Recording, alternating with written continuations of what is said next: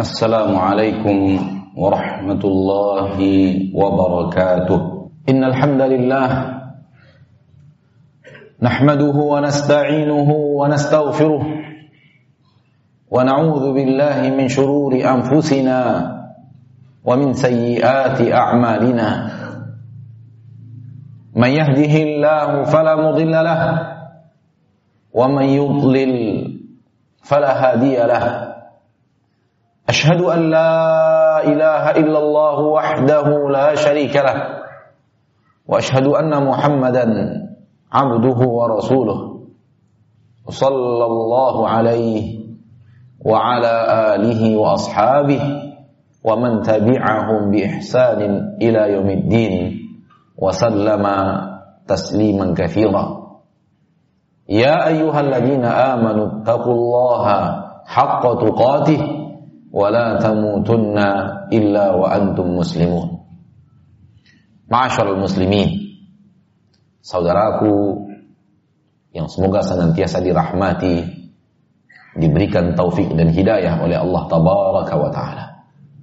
Pertama-tama sekali khatib mengajak diri sendiri dan mengajak saudaraku-saudaraku yang hadir pada salat Jumat kali ini untuk menjadi hamba yang bersyukur kepada Allah tabaraka wa taala. Bersyukur yang sebenar-benar syukur.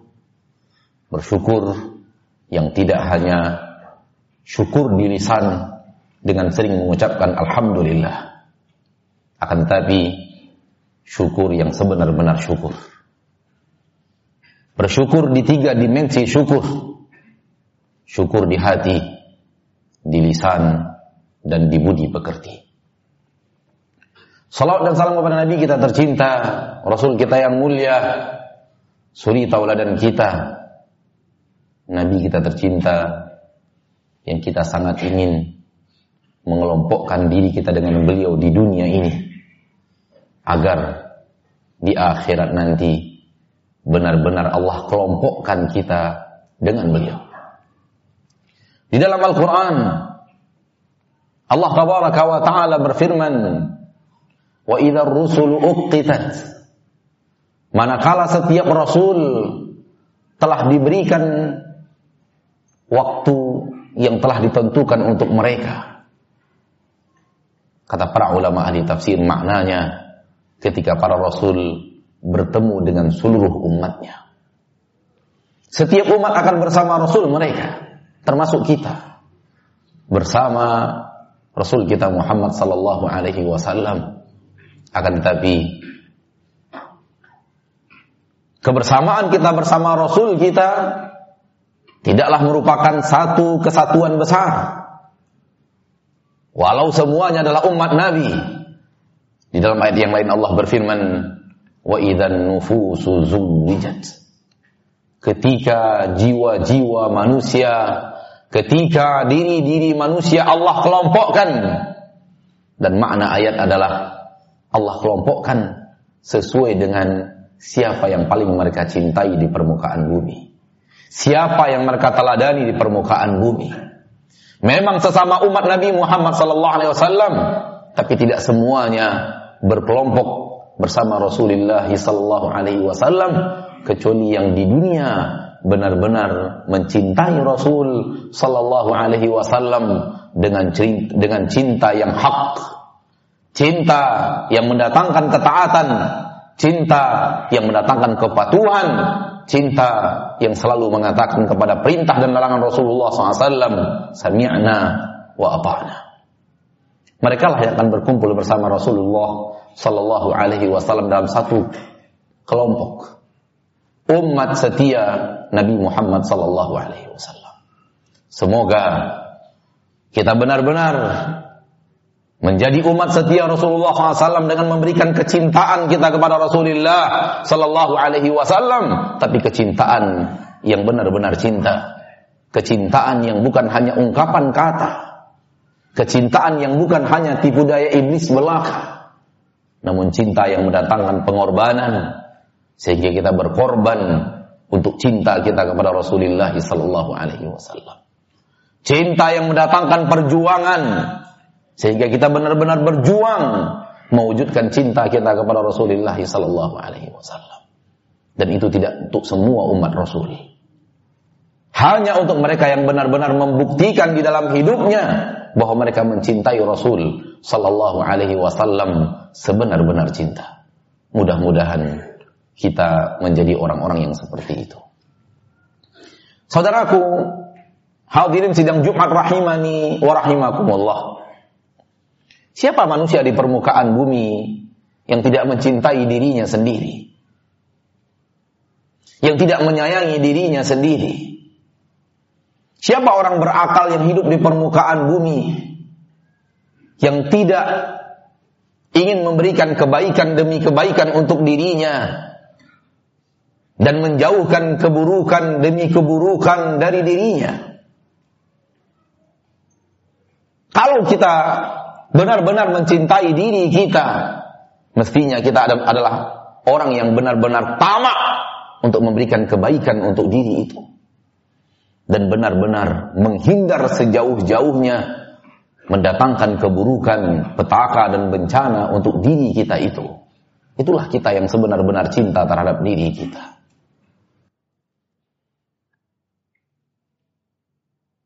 Dan saya yakin dan percaya Manakala kita ditanya dan masing-masing kita ditanya, apakah Anda mencintai dirimu sendiri? Semua kita akan menjawab, "Ya."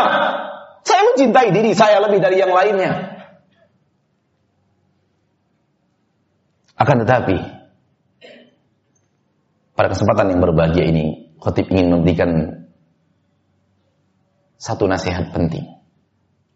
Mudah-mudahan nasihat yang penting ini mendapatkan hati mendapatkan tempat di hati saudaraku-saudaraku yang hadir pada kesempatan yang berbahagia. Dalam rangka mencintai diri, sebenar-benar cinta. Dalam rangka menyayangi diri, sebenar-benar sayang. Karena jebakan iblis begitu halus. Jebakan iblis dan bala tentaranya yang Allah katakan innahu lakum aduwwum mubin. Iblis itu, syaitan itu bagi kalian musuh yang sangat nyata, sangatlah halus. Sehingga terkadang manusia tidak sadar bahwa dia telah masuk ke dalam jebakan iblis. Saking halusnya. Cara dia menipu manusia demikian hebat. Bagaimana tidak? Belum lagi ayah kita Adam menginjakkan kaki ke permukaan bumi. Dia telah mendeklarasikan permusuhan dengan kita seraya berkata, Fabima aghwaytani la'aq'udanna lahum siratakal mustaqim. Aydihim wa min khalfihim wa an aymanihim wa an syama'ilihim wa la tajidu aktsarahum syakirin. Disebabkan engkau telah menyesatkan aku dari jalanmu ya Rabb, aku akan sesatkan mereka dari jalanmu yang lurus. Adam dan anak keturunannya. Aku akan datangi mereka dari depan, dari belakang, dari kanan, dari kiri. Hasilnya hanya sedikit yang engkau temukan mereka itu bersyukur. Dan dia pun menjalankan penipuan itu sampai sekarang. Seperti yang tadi khatib katakan, belum lagi ayah kita Adam menginjakkan kaki di permukaan bumi sampai sekarang. Terbayangkah kita bagaimana hebatnya dia menipu? Takkah, tidakkah kita takut akan tipuan hebat dia? Dan boleh jadi kita sudah masuk dalam tipuan itu tanpa terasa. Dan bagi saudara Anda yang mencintai diri Anda, kewajiban baginya untuk mengingatkan hawas, mawas terhadap jebakan iblis itu. Jangan sampai Anda merasa sudah benar ternyata Anda masih berada dalam jebakan iblis. Dari mana kita tahu ini jebakan iblis atau bukan? Panduannya Al-Quran dan Hadis. Semua telah dibicarakan di sana. Semua telah disampaikan di situ. Ma farraqna fil kitab min syai. Tak ada sesuatu pun yang tersisa di dalam Al-Quran semuanya sudah dibahas. Termasuk tipu daya iblis yang luar biasa itu. Maka izinkan khatib pada kesempatan yang berbahagia itu sedikit berbagi. Semoga apa yang khatib sampaikan di waktu yang tidak terlalu panjang ini mendapatkan tempat di hati untukmu, saudara-saudaraku yang benar-benar mencintai dirinya dan menyayangi dirinya sendiri. Sudah khatib katakan tadi bahwa kalau Anda benar-benar sayang dan cinta kepada dirimu, Anda akan berusaha untuk mendatangkan untuk dirimu kebaikan demi kebaikan dan akan Anda berusaha, Anda akan berusaha untuk menjauhkan dari dirimu petaka dan petaka, mudarat dan mudarat. Datanglah jebakan iblis kepada manusia, kepada anak cucu Adam. Salah dalam menakar mana yang kebaikan dan mana yang mudarat. Sehingga kebaikan yang dikatakan manusia, yang dianggap manusia kebaikan untuk dia hasilkan, bukanlah kebaikan. Dan keburukan yang dianggap manusia keburukan yang harus dia hindari, ternyata itulah kebaikan. Tidakkah kita takut? Tidakkah kita khawatir? Kalau begini ternyata kita memandang kebaikan dan keburukan, kita ingin mendatangkan untuk diri kita kebaikan dengan melakukan ini, itu, ini dan itu yang kita anggap baik. Ternyata itulah keburukan. Dan kita ingin menjauhkan diri kita karena kita sayang diri kita dari keburukan demi keburukan.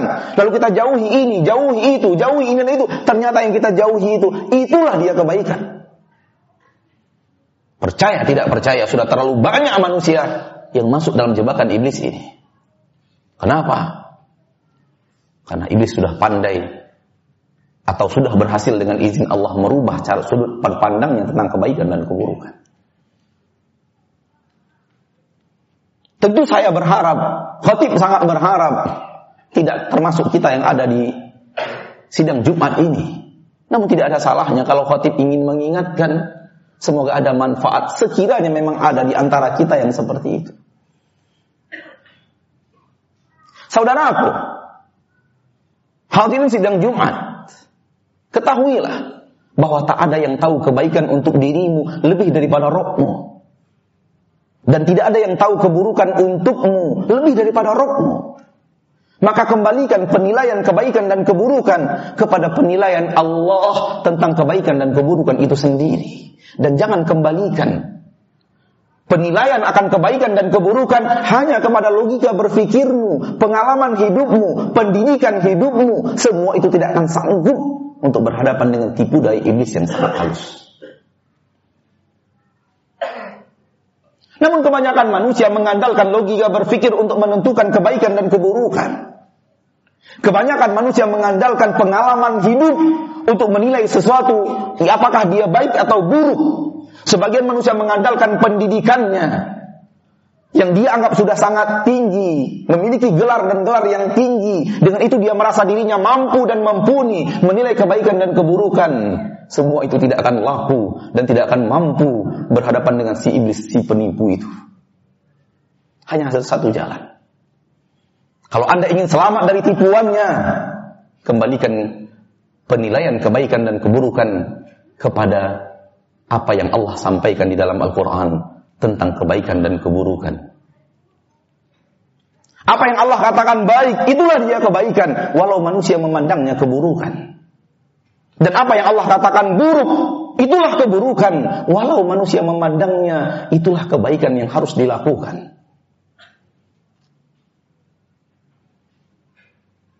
Sangat tidak tertutup kemungkinan apa yang kita anggap baik ternyata di sisi Allah adalah buruk. Dan apa yang kita pandang buruk ternyata di sisi Allah itu adalah kebaikan yang harus kita dapatkan. Sangat tidak tertutup kemungkinan sudut berpandang kita itu telah dialihkan iblis ke sudut berpandang yang salah tanpa terasa. Dengan berbagai macam cara karena dia datang dari depan, dari belakang, dari kanan dan dari kiri, diserang dari empat sudut Diserang dari empat penjuru. Pasukan perang kalau diserang dari depan dan belakang saja hancur. Bagaimana kalau diserang dari empat penjuru, dari depan dan belakang, dari kanan dan kiri? Itulah nasib kita berhadapan dengan iblis. Hanya satu juru selamat. Kembalikan kepada Al-Quran. Kembalikan kepada hadis Rasul SAW. Dan ikutilah itu dengan sebaik-baiknya. فاعتبروا يا أولي الأبصار لعلكم تفلحون. الحمد لله على إحسانه وشكر له على توفيقه وامتنانه. أشهد أن لا إله إلا الله وحده لا شريك له وأشهد أن محمدا عبده ورسوله الداعي إلى رضوانه. اللهم صل وسلم وبارك وأنعم على عبدك ورسولك محمد وعلى آله وأصحابه.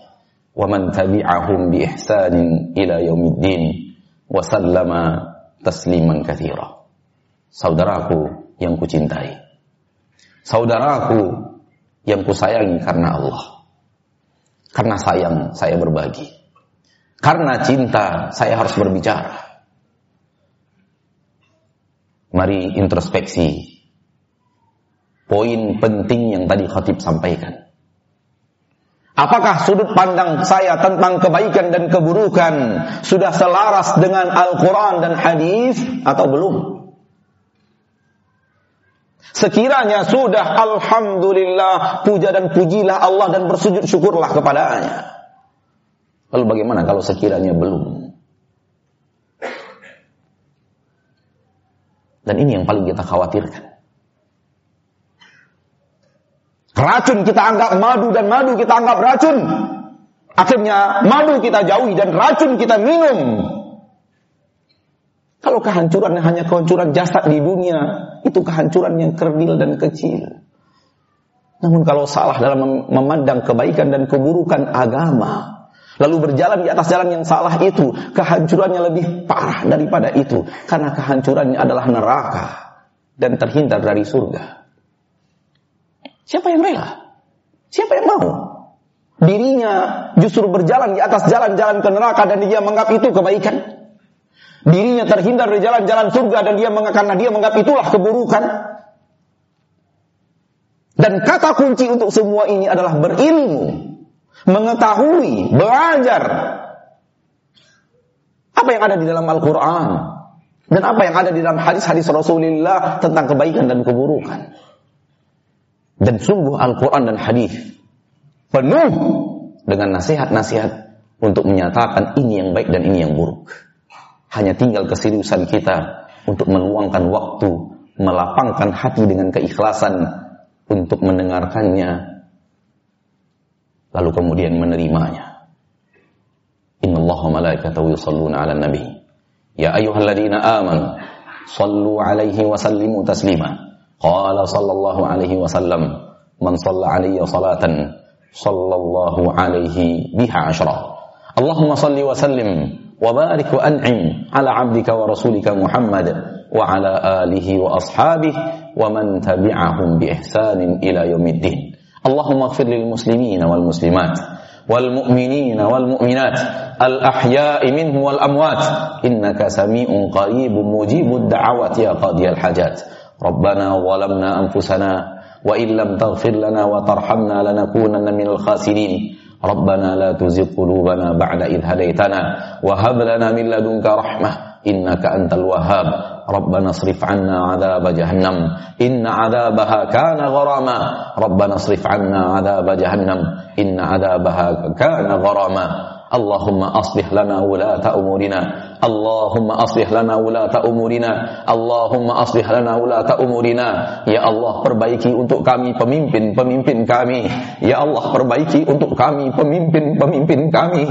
Ya Allah perbaiki untuk kami pemimpin-pemimpin kami. Rabbana gfir lana wali walidayna warhamhuma kama rabbayana sigara Rabbana atina fid dunya hasanah wa fil akhirati hasanah wa qina adzaban nar.